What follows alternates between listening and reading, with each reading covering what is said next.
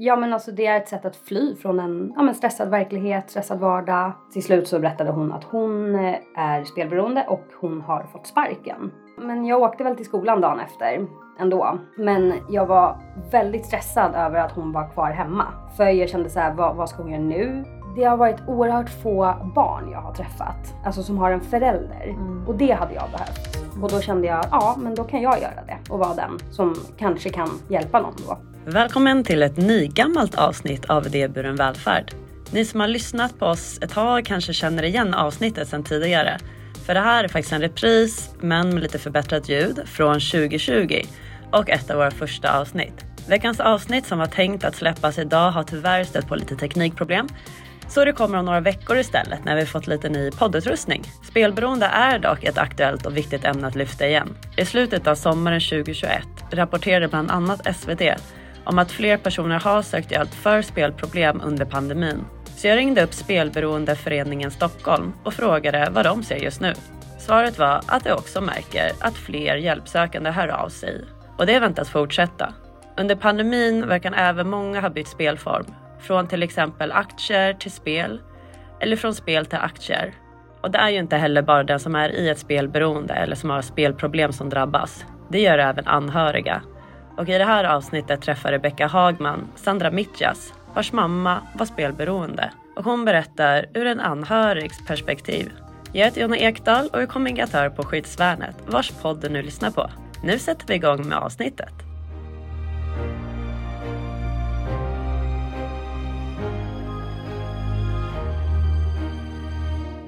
Dagens gäst heter Sandra Mitjas. Hej Sandra! Hej Rebecka! Hej! Hur mår du? Jag mår bra.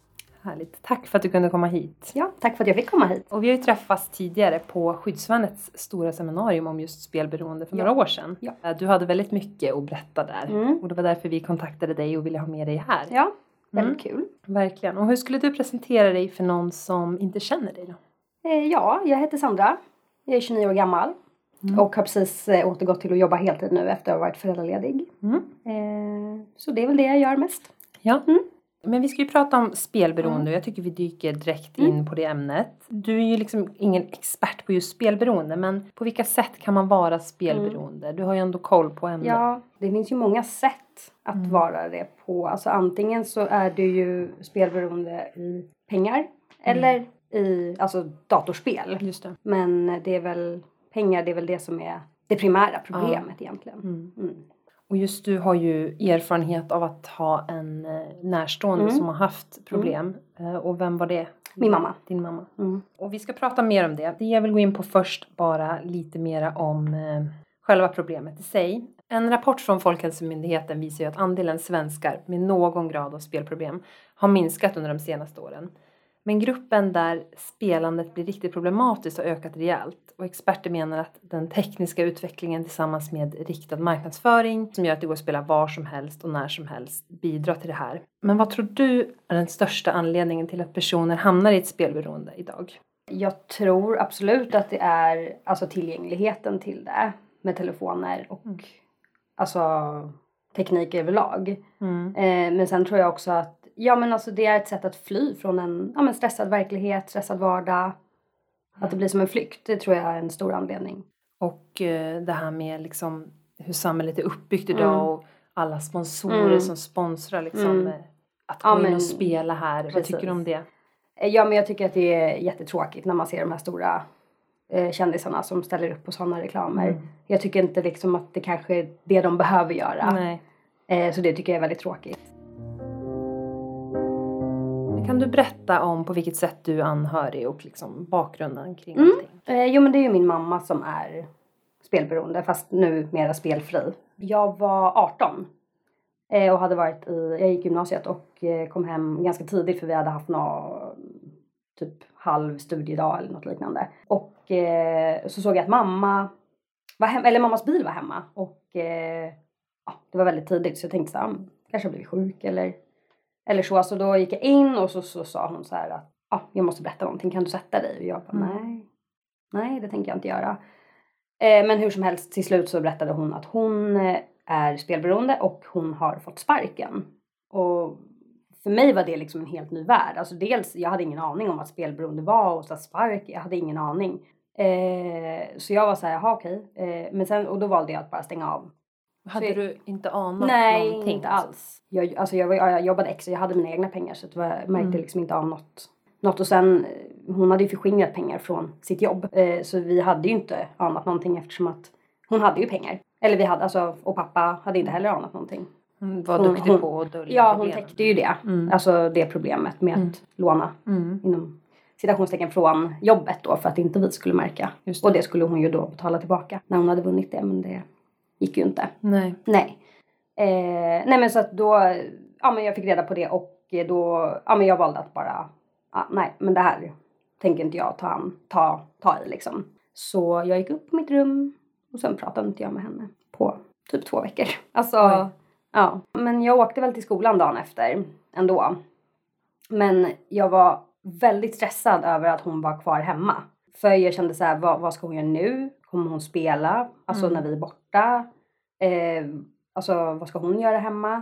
Jag var alltså väldigt stressad så att jag pratade faktiskt då med min, ja men med två av mina kompisar som jag gick med i skolan och så berättade jag allt för dem. Mm. Och så hjälpte de mig då så då fick jag gå och prata med kuratorn i skolan. Eh, vilket var jätte, jätteskönt Mm. att de fångade upp det direkt. Så, ja, och sen så pratade jag med henne, eller med, med skolkuratorn då. Eh, och då, hon sa ju det att du kan ju liksom inte lägga det här på dig själv liksom. Du, alltså även om du är myndig så är du ändå ett barn hemma liksom. Men så jag pratade väl med henne. Men det tog ändå lite tid. Alltså jag var ändå tvungen liksom att bearbeta det själv innan Mm. jag pratade med mamma Mm. om det. Men vikten av att du fick stöd så Mm, pass fort precis. var väl förmodligen väldigt avgörande. Det var jätte, jätteavgörande. Mm. För ditt mående. Precis, liksom det var det verkligen. Och sen eh, fick din mamma hjälp eller? Eh, ja, alltså hon, eller hon tog sig ju hjälp då. Hon Mm. sökte ju själv fram då Spelberoendesförening i Stockholm. Eh, och jag, alltså jag tror att det var samma vecka som det här hände på jobbet som hon åkte dit. Och då frågade hon, eller, då, eller hon frågade inte, hon sa jag kommer åka hit, du får jättegärna följa med om du vill. Men jag sa nej, det vill jag inte göra. Nej. Utan det här, det är ingenting för mig liksom. Eh, men hon åkte dit eh, och, och sen sa hon att det var bra liksom. Och Mm. jag fick läsa lite så här, hon hade skrivit ner anteckningar i någon bok som jag fick läsa. Och jag bara, ja men det är jättebra att du har gjort det liksom. Men, eh, men jag ville själv inte följa med till en början. Sen började du engagera Precis. dig i och liksom Mm. bli anhörigresurs och du gick Mm. med i styrelsen för Spelberoendes Ja. riksförbund. Precis. Varför gjorde du det då? Ja men alltså det tog väl ett år från, eller ja det här kom ju att mamma, alltså vi fick reda på hennes spelberoende det var i november. Eh, och jag kom till föreningen första gången i januari 2011, alltså över ett år efter. Okej. Ja, Mm. det här var 2009 då, så 2011 kom jag till föreningen. Och då hade jag ju liksom gått ett år och bara, "Ah, kanske skulle, kanske inte. Eh, men till slut kände jag så nej men jag följer med och ser vad det är. För att jag trodde ju inte mamma skulle fortsätta gå. Jag trodde hon skulle gå dit några gånger och sen var det bra. Men Mm. när hon fortsatte gå så kontinuerligt och även hon blev resursperson där då. Okej. Eh, så kände jag, ja men jag åker väl dit och kollar vad Mm. det är för ställe liksom. Och så åkte jag dit och alltså, ja men det tog inte många minuter innan jag kände att ja men varför har jag inte åkt hit tidigare? Det är ju precis det här jag behöver. Ja, Mm. få träffa människor Precis. i samma situation. Och, Precis. och vad gör man Mm. som anhörig resurs? Ja men då, du håller i möten. Alltså, Mm. Du gör inte så jättemycket. Alltså man ser till att mötet flyter på. Alltså hjälp, och så går man in med liksom den kunskapen man har. Mm. Eh, så man tar emot anhöriga, man kan alltså, ta alltså, egna Alltså om de inte vill sitta i en grupp till exempel, man kan ta ett separat möte med Mm. dem. Eller ett telefonsamtal eller, ja, men, Mm. eller ett annat möte. Annars är man mer så att man sitter och håller i gruppen liksom. Hur upplevde du din situation? Alltså, vad gjorde du för att liksom klara dig igenom det innan du verkligen fick den, det här stödet som du fick via föreningen? Ja, men alltså jag läste väldigt mycket eh, på nätet. Mm. Eh, och jag pratade ju mycket med mina vänner. Men ingen hade ju liksom en liknande situation. Så att det var ju lite svårt, alltså, få, även om det var fantastiskt att de fanns där eh, med det de kunde liksom. Men jag läste väldigt mycket böcker på nätet och försökte liksom ja, men, Sätta hitta dig in i det. Ja, precis. Hitta information. För jag, liksom, man får inte det någonstans. Och det gav dig någon slags lugn och kontroll? och Ja, att du visste precis. Hur det... Ja, och sen att det liksom... Ja, men det här med att man... Då kunde man installera ett så program på datorn. Som Mm. inte... Så att inte man kunde spela. Så Mm. det vet jag att jag gjorde Mm. hemma. och sådär så att inte mamma skulle kunna spela på datorn. För då Ja. hade hon ingen smartphone. Så då, Var du med om någon gång, hade hon återfall? Säger man återfall? I att man, man tar ett återfall. Tar- Men nej, det har vi inte varit med om. Nej. Nej.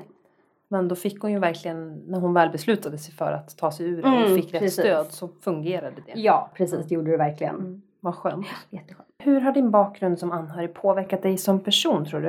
Eh, alltså jag tror, alltså det, alltså det, mest, det har ju faktiskt mest fört med sig bra saker nu så här många år senare. Eh, jag känner väl att jag är rätt alltså lyhörd för problemet eh, och att jag ja men kan liksom Du kan, du kan sätta, kanske sätta dig in och Ja, förstå precis. personer som har problem. precis och kanske inte bara i, att, i ett spelberoende Nej, utan nej, kanske i andra situationer också Ja. för att man har träffat så många Mm. med olika historier liksom.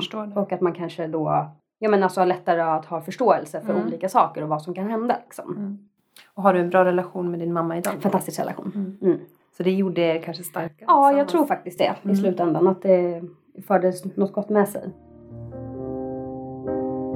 Och du har ju som sagt suttit i styrelsen för Mm. Spelberoendes förening. Eh, Mm. Det är en partipolitiskt och religiöst obunden Mm. förening för spelberoende och anhöriga eh, som vill verka för att förebygga Mm. och avhjälpa spelberoende. Just det här med förebyggande då. Mm. Kan du tänka kring det? Vad, vad kan samhället göra för att förebygga att fler ska bli spelberoende och man ska slippa ha anhöriga som får? Ja, alltså det är ju att erbjuda hjälp. Mm. Jag vet att jag sa det på föreläsningen att det finns så himla många sätt att spela på. Och egentligen borde det finnas lika många sätt att få hjälp på. Mm. Det gör det ju tyvärr inte. Och det är ju ganska svårt att få den hjälpen. Alltså om man, är- alltså, om man bortser från föreningen då som är öppen för alla. Eh, men det är ju ganska, det är långa köer. Det är långa köer. så Långa att köer, ja. om, om man behöver stöd och Mm. hjälp idag som Mm. anhörig. Mm. Det kan man liksom inte få på den dagen tror du? Nej det tror jag inte. Inte, inte via liksom kommunen. Nej. Det är ju, och det är ju oftast nu, Mm. helst kanske förra veckan eller förra året du hade behövt ha hjälp för det här. Eh, och då vänta ett år till, eller månader, det, det kan Mm. bli tufft. Men eh, hur viktigt tror du det är att det finns ideella föreningar som spel, Spelberoendes Mm. förening i samhället? Behövs det fler? Ja, det tror jag absolut att det gör. Det är ju extremt mycket folk som kommer redan. Eh, och det är ju svårt som det är. Det skulle absolut behövas fler. Har du någon koll på vilket stöd och behandling man kan få genom ideella organisationer idag? Alltså det, det som erbjuds är ju gruppsamtal. Alltså det är ju det som finns. Och att man då, alltså jag vet att eh, Ja men i Stockholm kan du till exempel, du kan boka ett möte med alltså kanslisterna på föreningen. I Stockholm är det två kanslister som jobbar på föreningen varav en av min, är min mamma då. Mm. Och en annan kille då som har Mm. hållit på länge. Och, och de kan man boka alltså enskilda möten hos. Och sen gå på då Mm. gruppmöten. Sen finns det ju säkert privata aktörer och så som erbjuder stöd och jag vet att till Mm. exempel vi här på Skyddsvärnet har en psykolog som jobbar med Ja. spelberoende. Så att jag vet att det finns ju vägar att gå men det är ju alltid ett par steg dit innan man får den hjälpen. Ja precis. Ehm, Ja och sen ska du också ta dig till att ja men ta den hjälpen. Ja och det är det steget så som, lätt. nej, precis. Mm. Och det är det steget som är det viktigaste steget. Mm, och sen att samhället finns där och fångar upp tänker jag. Precis. Ehm, Men du valde ändå att gå ut med din historia och dela dina Mm. erfarenheter. Till exempel via föreläsningar Mm. som du gjorde på Skyddsvärnet. Vad gav det dig att göra det? Eh, alltså när jag satt uppe mitt i det här. Eh, det har varit oerhört få barn jag har träffat. Alltså som har en förälder. Mm. Och det hade jag behövt. Eh, alltså där på, från början. Ett barn som har suttit i samma situation. Var det mest partners? Som... Mest partners och föräldrar till barn. Alltså att, barn, att det är barnet som Mm. har problematiken. Eh, men jag har träffat och det har jag fortfarande gjort under alla år. Det är jättefå barn. Och det lär ju finnas många Det finns massor. Mm. Eh, Och det hade jag behövt. Och då kände jag, ja men då kan jag göra det.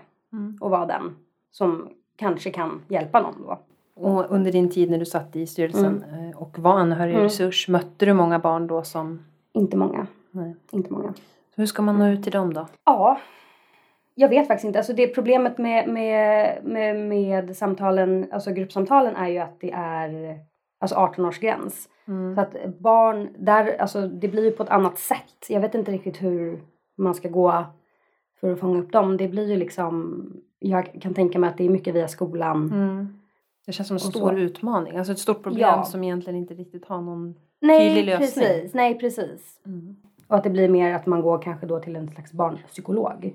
Men om vi går in lite igen på förebyggande. Vad tycker du samhället ska bli bättre på kring förebyggande rent konkret? Vad, vad måste vi göra? Alltså, det, jag tycker absolut att eh, spelreklamen borde minskas. Det är, och, då er, eller, och att det ska erbjudas mer hjälp. Alltså snabbare hjälp.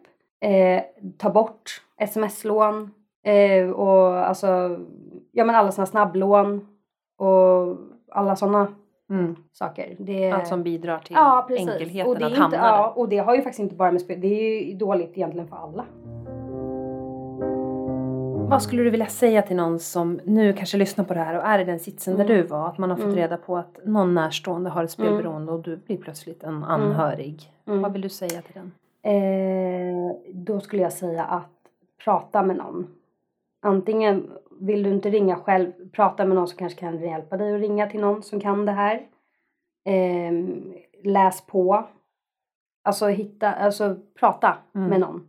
Även om det inte är någon som kan någonting, men någon kanske kan hjälpa dig att hitta kontakten till, ja men till exempel Spelberoendeföreningen i Stockholm. Det finns ju inte bara i Mm. Stockholm utan Jag kan tänka att många, att många unga och barn Mm. känner säkert kanske en Mm. skam. Att man, mm, man tror att man själv har någonting att Mm. göra med problemet. Men så är det ju verkligen inte. Absolut inte. Nej, det är, alltså som anhörig, alltså, det, du kan aldrig, du ska aldrig belasta dig själv för det är verkligen inte ditt fel. Jag vet att det är skitsvårt att, eh, att säga det, eller alltså att ta till sig det. Men det är verkligen så. Om man som barn märker då att om, om vi säger att föräldern inte är så bra på att dölja sina Mm. problem och att man börjar märka Mm. att något står, inte står rätt till men Mm. föräldern inte själv delar med Mm. sig av, av det. Mm. Jag tänker som barn har man ju inget ansvar att ta tag i det men Nej, vad gör man där? alltså i första hand hade jag nog pratat med en vuxen En person. annan vuxen. En annan vuxen som jag litar på. Mm. Eller då ja, beroende på hur gammal man är. Mm. En annan vuxen, an, alltså kanske en kompis förälder eller en släkting. Det känns som ett väldigt viktigt liksom, Mycket steg att viktigt. ta om man har den Mm. oron. Mycket viktigt. För, för både föräldern och sin Precis. egen skull Ja, framförallt. precis. Ser du någonting som har gått framåt och blivit bättre? Det här var ju ett tag sedan det här Mm. skedde för dig. Mm. Ser du någonting positivt kring liksom hur vi jobbar med anhöriga och spelberoende överlag? Ja, alltså framförallt har det ju blivit mer alltså, uppmärksammat och Mm. inte, alltså det är ju inte alls på den här, alltså jag tycker inte alls att det är på den här skamfyllda nivån längre. Alltså det, det upplever jag inte och sen också att det har ju blivit lättare att få hjälp nu än om man Mm. jämför med för några år sedan när det nästan Mm. inte fanns någonting. Men sen det skrevs in i socialtjänstlagen som, ja men som sjuk, alltså. Precis, en som, psykiatrisk Precis, sjukdom. så är det ju lättare. Så att det är ju absolut positivt. Mm. Sen- Då är det kanske lättare att inte känna den skammen också. Precis. Att så här, det är faktiskt en sjukdom. Exakt. Det är inte bara mig det är Du fel har på. liksom rätt att få hjälp. Ja. Även vad jag förstår via liksom arbetsgivaren Mm. ska du kunna få hjälp. Just det. Känner du hopp för att det kommer bli bättre? Ja, alltså jag är en ganska hoppfull människa. Så att ja, det gör jag. Mm. Och det har ju blivit bättre. Så jag, jag har ju svårt att se att det skulle backa nu. Ja, Så det känns, även om det säkert kommer ta tid så, Mm. så absolut kommer det bli bättre. det låter bra.